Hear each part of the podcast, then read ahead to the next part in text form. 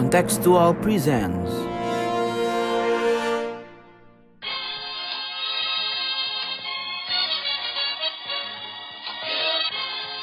sondern wir schaffen uns unseren Staat. Mr. Gorbachev, open this gate. Together, we will make America great again. Sudah cukup bagi kita untuk mengatakan bahwa winter is coming. Kembali lagi di podcast Bebas Aktif. Yo, apa kabar teman-teman semuanya? Mudah-mudahan sehat. Uh, kali ini kita akan ngomongin seperti biasa ngomongin tentang politik internasional uh, dengan tokoh-tokoh dan narasumber-narasumber yang udah udah sering kita hadirkan di sini. Itu kalau biasanya lo dengar suara Hafiz di depan, sekarang lo dengar suara gue Abid straight from North London. Uh, moodnya lagi oke okay, karena kemarin Arsenal baru menang lawan Tottenham Hotspur. Jadi mudah-mudahan podcast hari ini juga bisa menyenangkan juga. Oke, okay, jadi di sini di, di London Utara ada Abid di Kelapa Dua Depok ada siapa di sana? Sofan. Mas Sofan, sehat-sehat Mas? Oh ini cara cara Abid naikin uh, leverage keren juga nih dari London Utara terus dari Kelapa Dua. bikin Kelapa gitu. Dua. Ya kan gimana Arsenal dibandingin sama Persikat ya gue gimana membela dirinya kan? Persikat Depok. Kan kemarin ada Red Bull Depok. Sehat-sehat mas? Baik-baik, sehat-sehat. Alhamdulillah. Alhamdulillah. Nah langsung straight dari Istanbul ada siapa di sana? Kita udah mengundang Mas Agung Darwijoyo. Ya, halo, merhaba. Sehat-sehat dari sehat-sehat. Alhamdulillah. Galatasaray atau basic tas gitu kan nggak apa-apa. Yo, Istan gitu loh. Istanbul tapi sementara di area banjir Kanal Timur. Kanal Timur. Ya, ya, ya.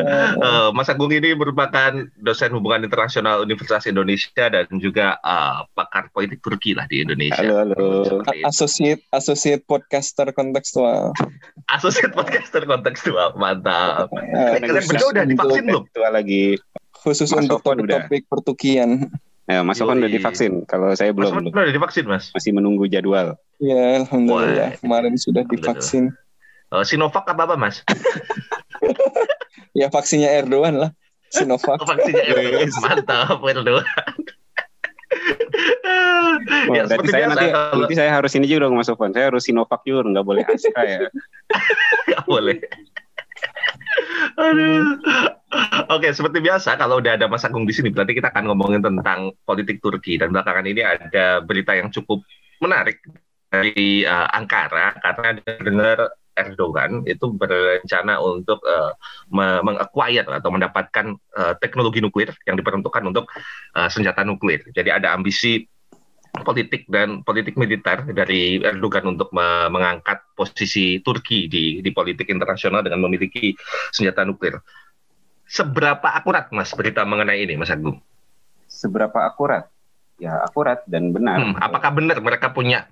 Uh, apakah mereka benar-benar mau? Kalau sampai kalau sampai kepada aspek apa namanya um, senjata nuklir, saya pikir masih jauh ya meskipun ya banyak kemudian pada bilang seperti itu gitu loh.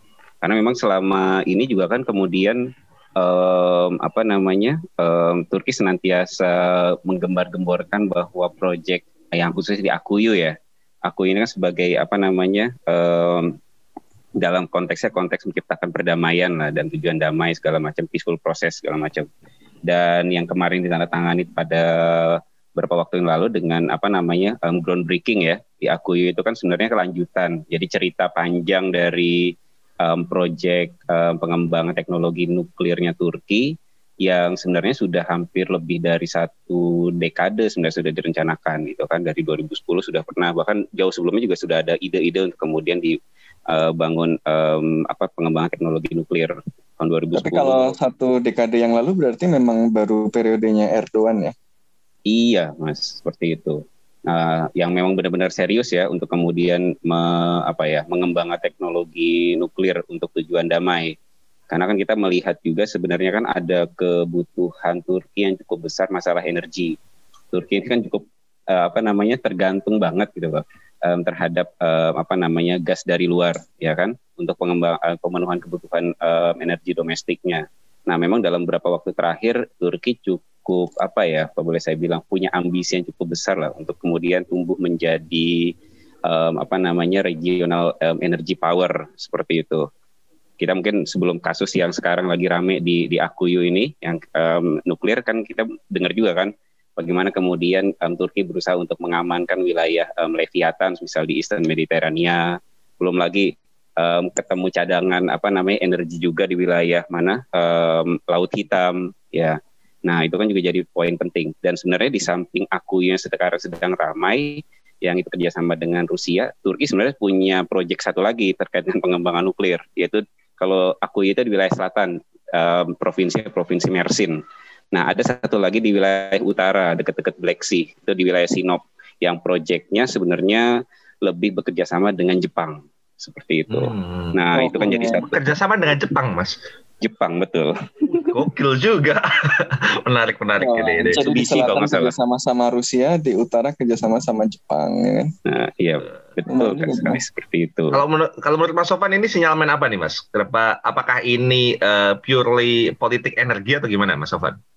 Ya kalau dilihat kan memang uh, apa reaktor nuklir yang dibangun ini kan secara formal ya ditujukan sebagai penghasil energi alternatif gitu ya. Jadi ya dia diharapkan eh, uh, akan mampu menyuplai uh, ya listrik ke Turki gitu ya yang selama ini uh, mungkin uh, disuplai dengan sumber-sumber lain gitu. Jadi bagian dari diversifikasi energi Turki gitu ya, karena fasilitas di Akuyu ini diperkirakan mampu menyuplai 35 miliar kilowatt per jam listrik per tahun atau 10% kebutuhan listrik Turki selama 50 tahun ke depan ya.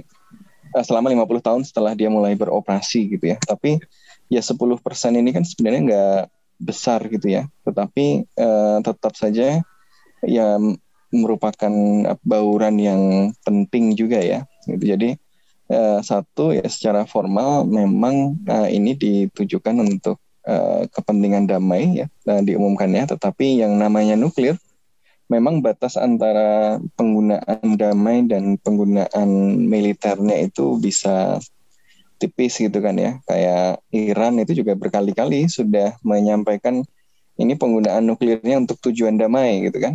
Tetapi uh, ya tetap saja orang-orang kan tidak pada percaya gitu karena secara teknis untuk mengubah uh, nuklir damai menjadi nuklir yang bisa digunakan kemudian dipasang misalnya di persenjataan itu uh, tidak tidak sulit kalau sudah mencapai level tertentu gitu ya. Jadi bisa jadi eh, apa kalau kalau mikirnya itu suudon suudonan terus dan suudon suudonan ini kan kekhasan politik internasional itu kan basisnya suudon ya kan? Uh, men are evil gitu kan sistem internasional anarki. Maka ya itu uh, yang dipikirkan adalah kemungkinan terburuk gitu kan kecenderungan umumnya. Wah ini uh, ya tentu ada banyak yang kemudian berspekulasi lah. Ini ada bobot strategiknya juga ini nggak cuma soal damai juga ini. Apalagi kita melihat bahwa ya Turki sendiri memang sedang uh, berada di kawasan yang semakin panas ini secara geopolitik ya kan. Uh, Turki itu ada di uh, wilayah uh, ya kira-kira yang menjadi salah satu hotspot ter, uh, dalam dekade-dekade uh, terakhir dan ke depan ini kayaknya. Ya hampir semua pemain besar internasional ada di situ. Dan nuklir tentu memberikan bobot uh, bagi Turki yang lebih jauh lagi kan kemarin ya, kali ini juga harus dilihat misalnya dalam kecenderungan lain kayak kecenderungan Turki untuk membangun teknologi militernya secara mandiri kayak punya pesawat sendiri ya. Belakangan punya drone ya. Uh, yang kemarin digembar-gemborkan membantu apa uh, kemenangan Azerbaijan atas Armenia ya kan?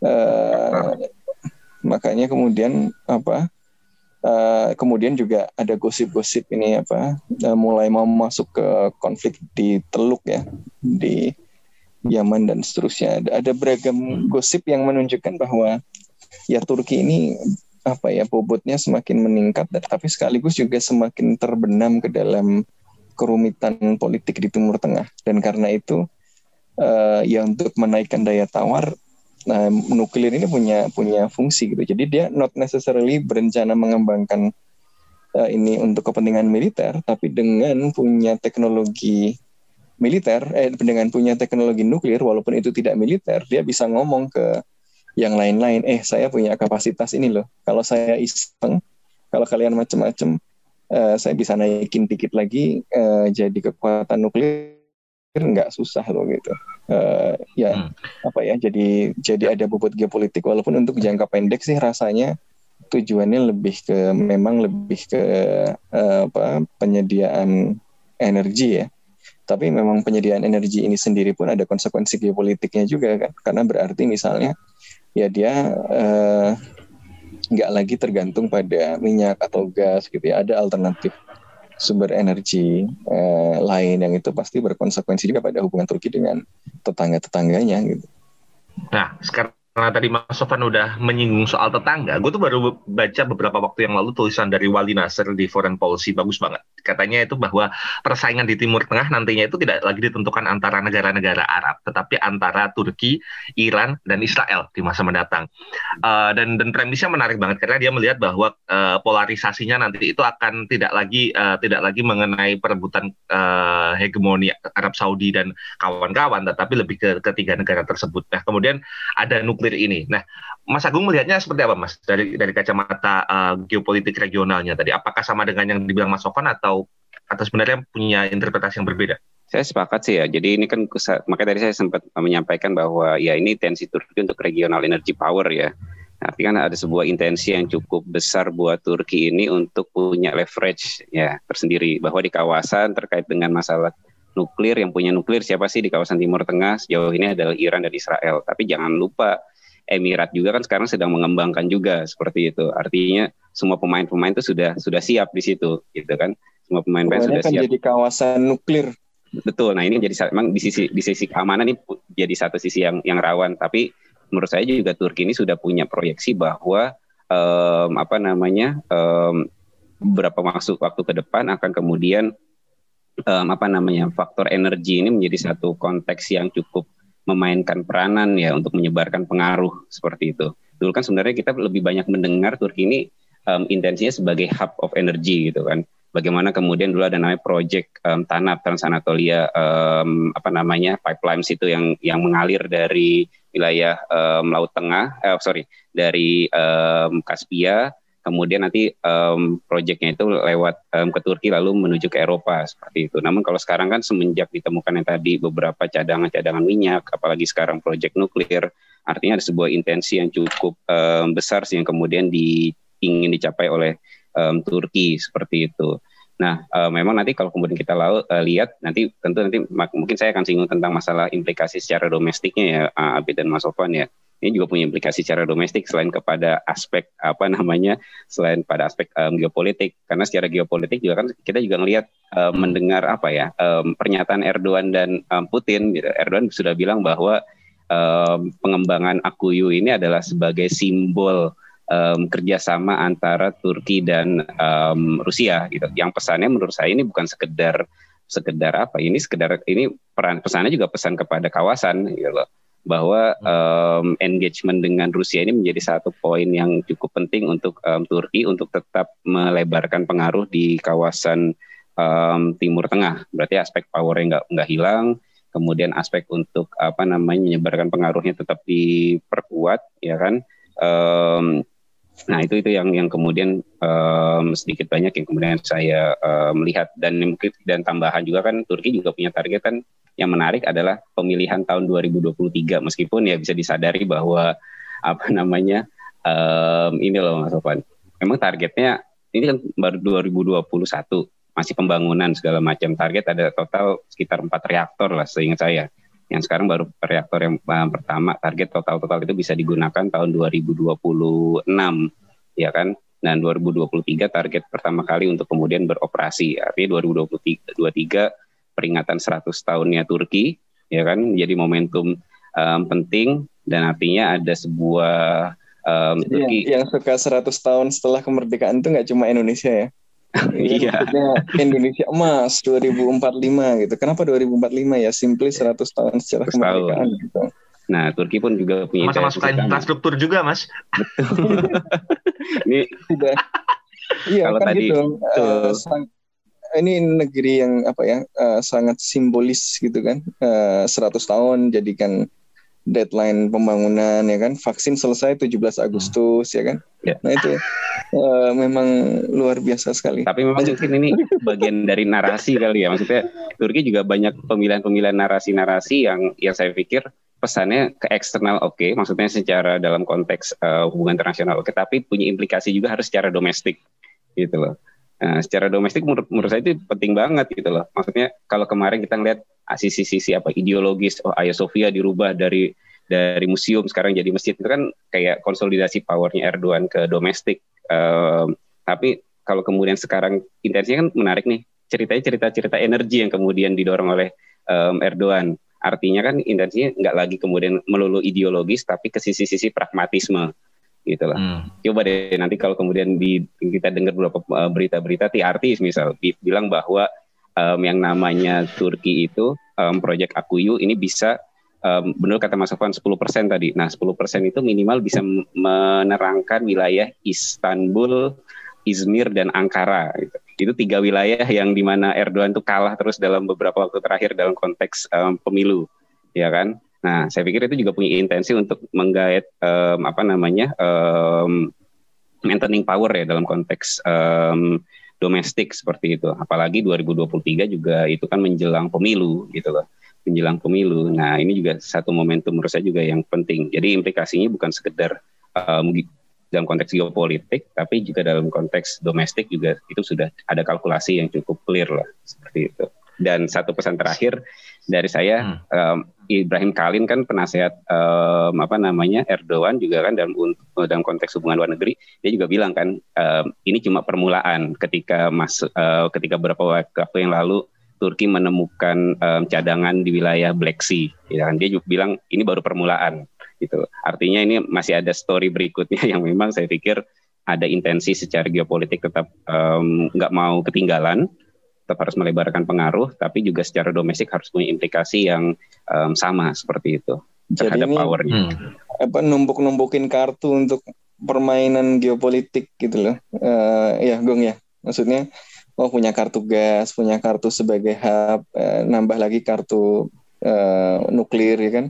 Yang Betul. nanti kartu itu bisa di-upgrade sewaktu-waktu gitu ya. Ini bisa jadi eh, ini bisa jadi itu gitu.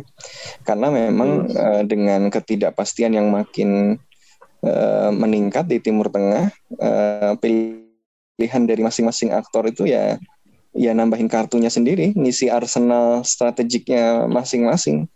Kemarin misalnya negara-negara Arab teluk itu bergantung sama perlindungan Amerika Serikat, Donald Trump tiba-tiba berubah tek gitu kan, kalkulasinya langsung berubah. Itu pasti secara secara strategis memberikan dampak juga pada pemain-pemain di kawasan bahwa mereka nggak bisa rely on external eh, actors gitu karena eh, ya faktornya beragam ya. Kita rasanya akan menyaksikan masing-masing akan akan melakukan build up gitu ya secara direct maupun indirect gitu ya build upnya baik melakukan langsung penguatan senjata pengembangan senjata kayak Turki bikin drone dan macam-macam itu atau em, beli senjata dan macam-macam Ya. ada juga yang em, modelnya secondary begini ya, bikin instalasi eh, sipil sebenarnya tetapi bisa punya bobot eh, strategik gitu eh, ke depannya Nah tadi kalau nyambung sama artikel yang dibahas sama Abid, gue kira juga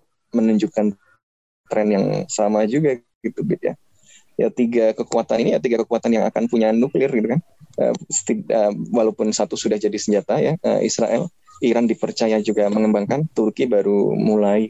Nah jadi ya bisa dibayangkan eh, Timur Tengah akan eh, menjadi kawasan seperti apa. Tetapi kalau belajar dari eh, pengalaman perang dingin dan pengalaman dan prediksi orang-orang eh, structural realist seperti Mars Hammer ya sebenarnya justru malah bagus gitu.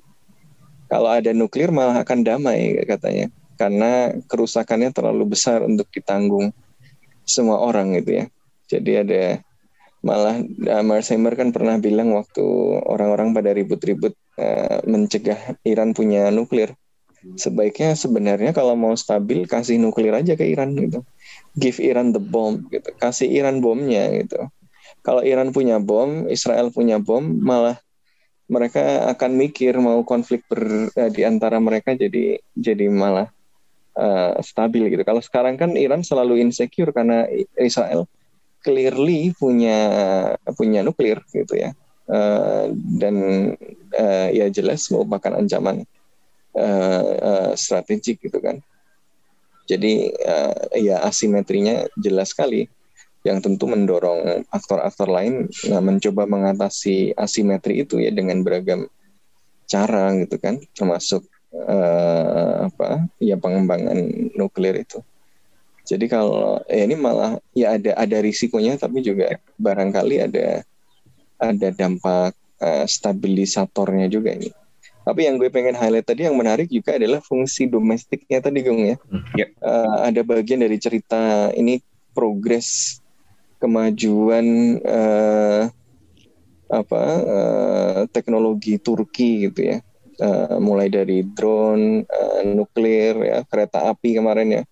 ya. Apa kereta api yang uh, tembus laut gitu ya dan seterusnya itu kan apa ya menunjukkan bahwa kita ini nggak kalah loh sama uh, yang lain-lain gitu.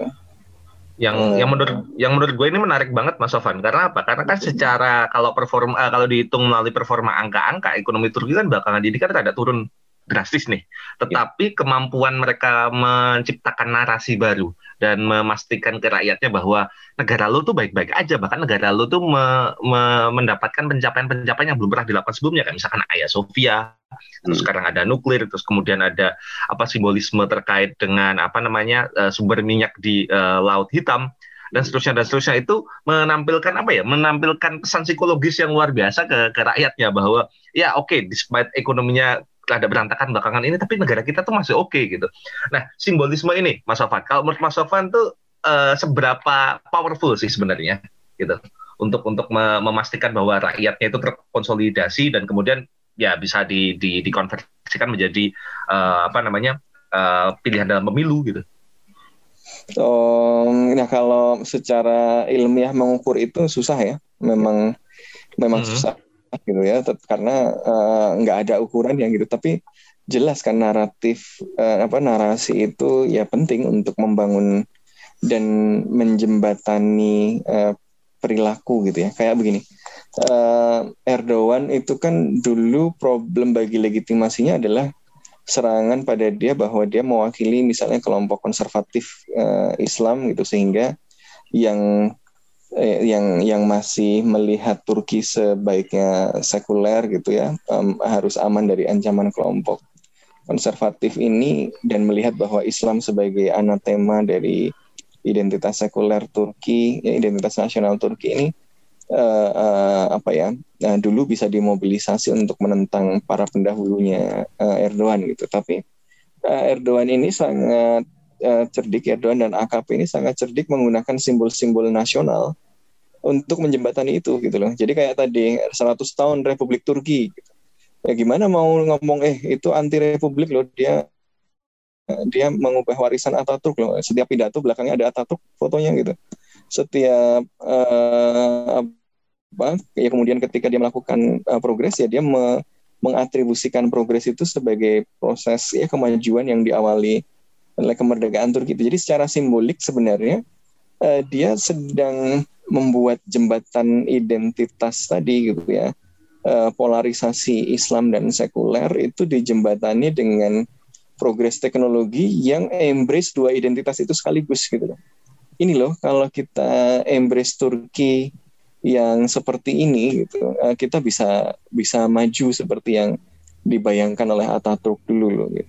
Nah, jadi jadi justru jadi dengan simbol-simbol ini uh, ya dia dia bisa menarasikan menarasikan progres yang kemudian yang membuatnya menjadi kekuatan politik yang sampai sekarang masih dominan. Coba kalau Erdogan masih narasinya masih uh, bunyi di kalangan uh, apa Islam Islamis saja gitu kan. Hmm. Uh, sudah sudah terkudeta dari dulu dan sudah sudah selesai dari dulu guncangan ekonomi dan macam-macam juga berat gitu kan. Ya ini karena karena kapasitas membangun uh, dukungan yang melintasi basis tradisionalnya itu. Makanya pas kudeta kan yang datang yang keluar nggak cuma hmm. basis AKP gitu.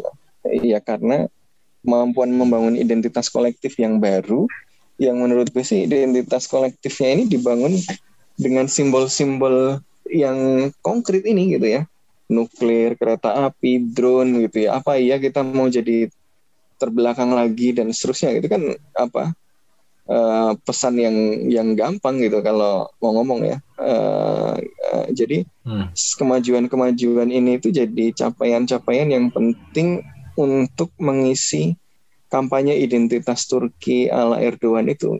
Ini loh kita maju loh karena ini kita ada ini loh. Jadi hampir setiap uh, saat itu harus ada uh, capaian yang yang yang diomongin kita berhasil ini berhasil itu gitu ya. ya di tempat lain ada juga yang begitu tapi belum bisa bikin drone atau kereta api kan baru Waduh. potong pita uh, waduk pita nah itu sebenarnya fungsinya sama gitu ya fungsi politiknya hati-hati mas lo habis lo habis divaksin mas lo nggak tahu yang dimasukin ke tubuh lo apa mas Pakai nyindir-nyindir. Gue enggak Oke, tadi Mas? Bahwa dia memiliki fungsi politik yang sama gitu ya. Cuma iya. Memang pembangunan negaranya mungkin masih agak sedikit berbeda gitu loh. Beda.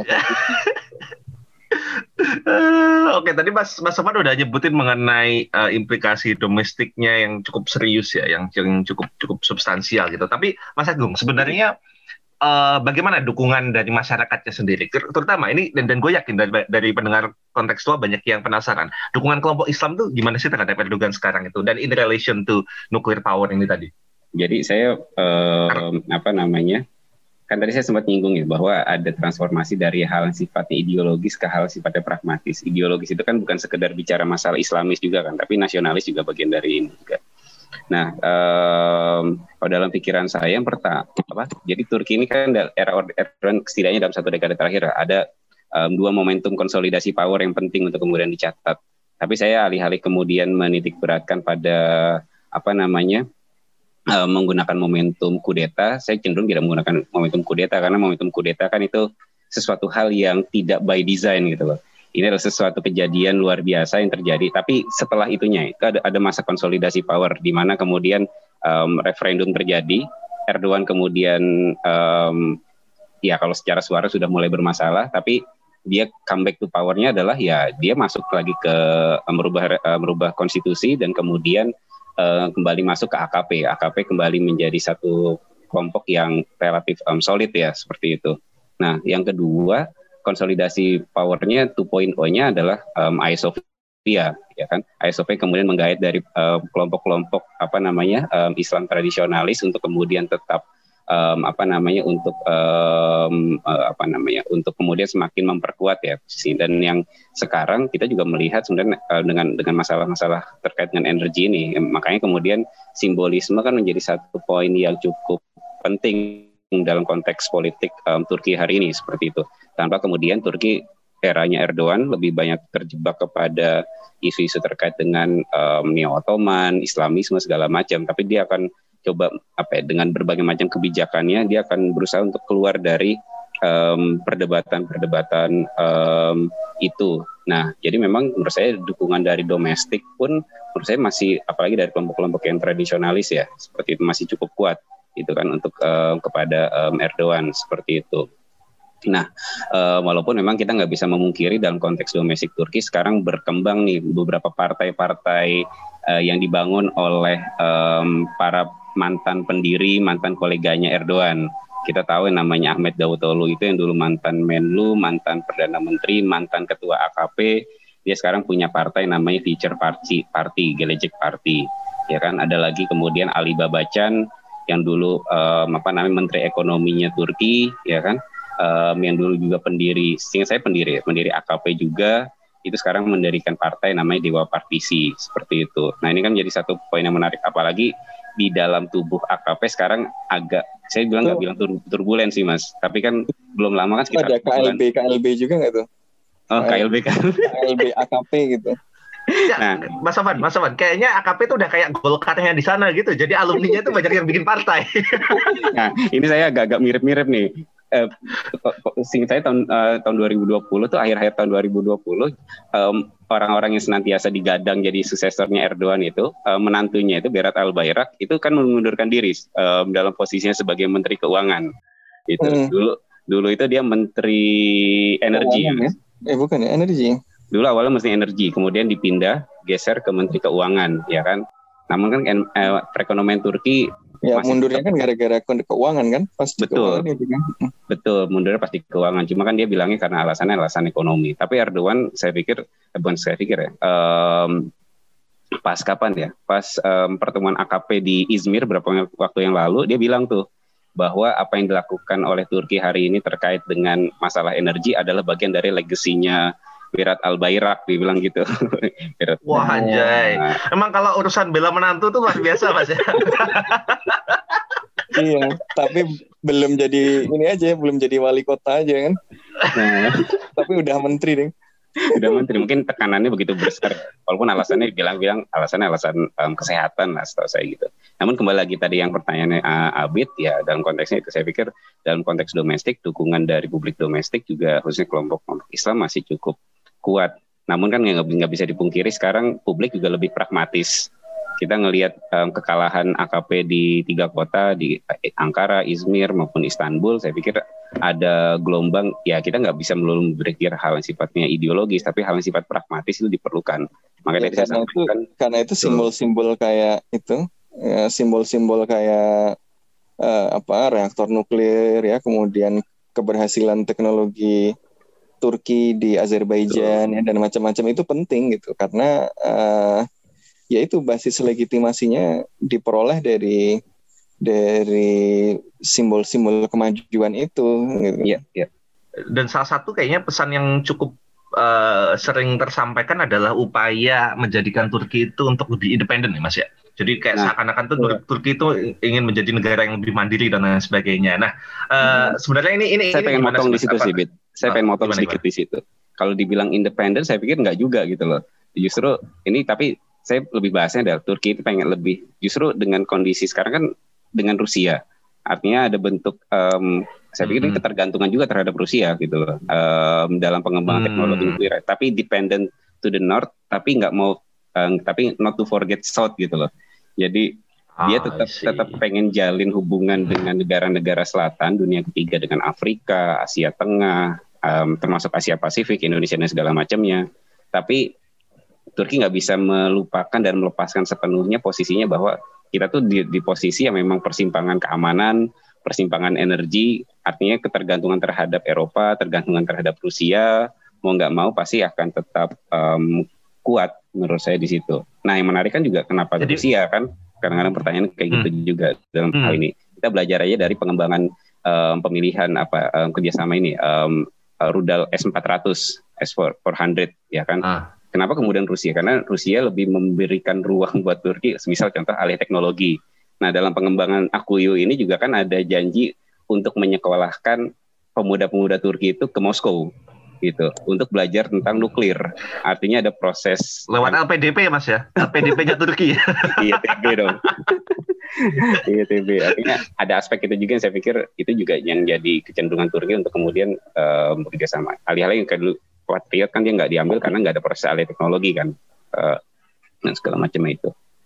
Gitu. Jadi alih jadi alih-alih me- mencoba untuk menjadi independen ini lebih ke mendiversifikasi dependensinya aja mas ya. Kalau sebelumnya kan misalkan dalam isu keamanan itu selalu terkait dengan NATO, terus kemudian sekarang ada uh, Rusia dilibatkan dan bahkan tadi itu terkait uh, Jepang juga sempat disipir sama Mas Agung. Jadi ini, ini perkembangan yang menarik. Mas yang mendiversifikasi Hmm. itu kan yang meningkatkan independensi. Dependensi Exact, itu ya. kan ya, sih. jadi jadi asimetris, jadi eh, melemahkan kalau kita tergantung sama satu orang gitu. Ya, Eh, jadi independensi itu tidak selalu ditingkatkan dengan kita bebas dari semua orang gitu.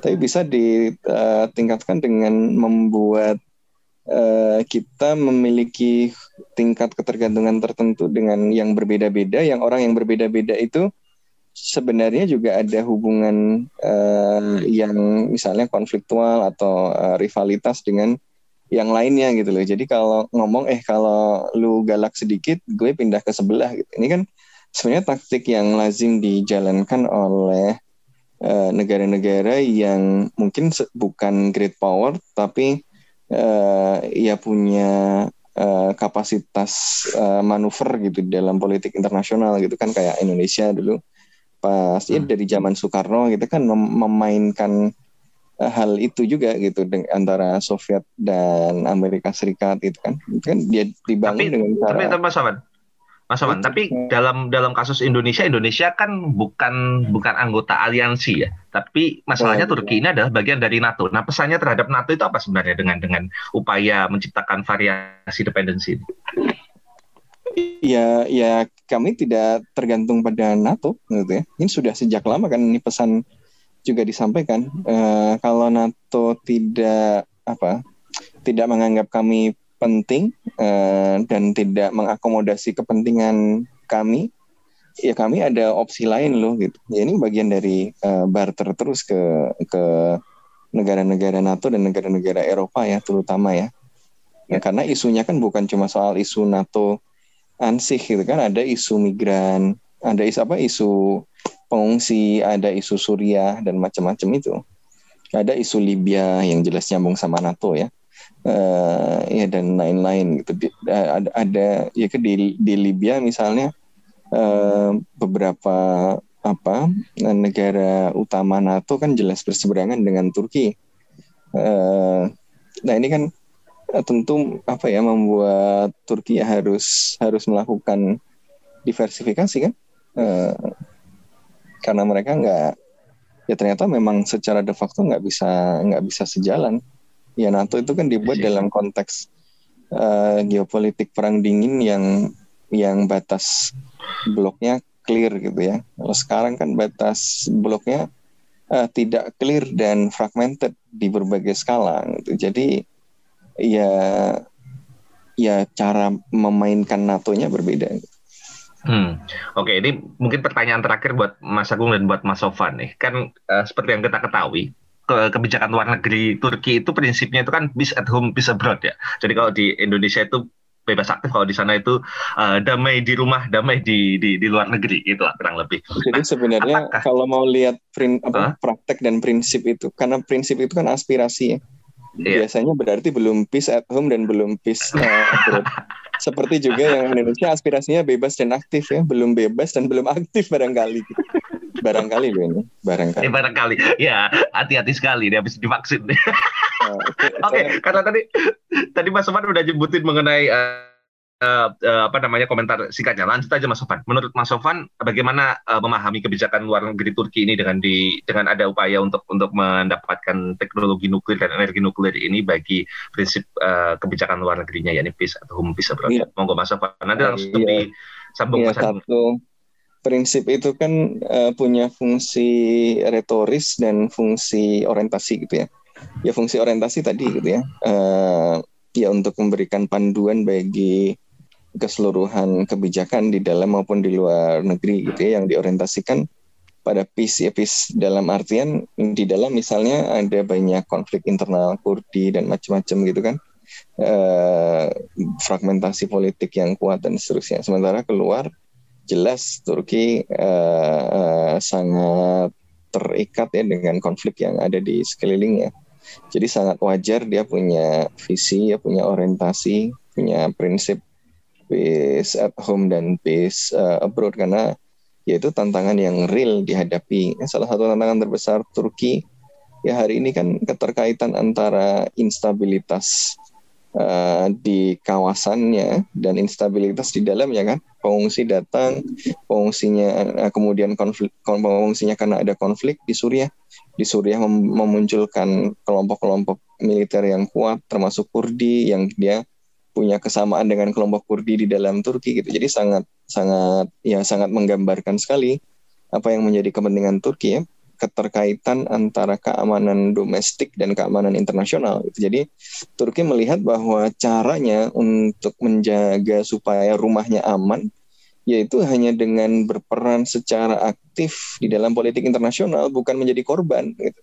Bukan cuma uh, duduk terus tiba-tiba ada ledakan di samping rumah ya rumah kita ikut berantakan. Jadi harus ikut aktif membentuk situasi kawasan supaya rumahnya juga aman. Jadi kalau dipahami sebagai visi, sebagai orientasi, prinsipnya demikian. Dan saya kira uh, ya memang demikian ya, sangat terikat nasib keamanan Turki itu dengan keamanan kawasan gitu. Jadi ya sangat rasional kalau daripada terdampak ya mending berinisiatif. Cuma masalahnya kan kadang-kadang uh, ya tadi semua aktor internasional kan begitu ingin ingin aman dengan preemptive uh, action, tapi karena justru karena preemptive action jadi lebih rumit, jadi lebih nggak aman juga kadang-kadang begitu gitu kan. Uh, jadi uh, ya menurut saya sih itu, itu yang pertama dari aspek uh, visi, aspek orientasi.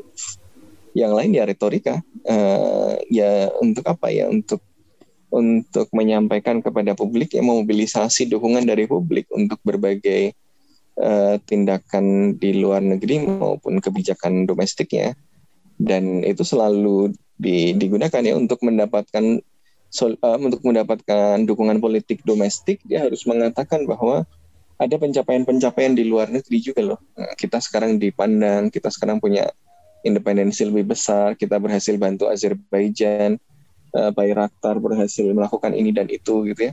Itu ya itu kan menaikkan legitimasi domestik. Sebaliknya uh, legitimasi domestik tadi diperlukan untuk melakukan ya kebijakan-kebijakan di luar negeri tadi ya uh, berbagai tindakan uh, Turki di di kawasan misalnya kan harus mendapatkan dukungan publik juga. Jadi saya kira menggambarkan doa itu ya fungsi fungsi guideline ya uh, fungsi panduan uh, dan fungsi retorik. Oke, Mas Agung.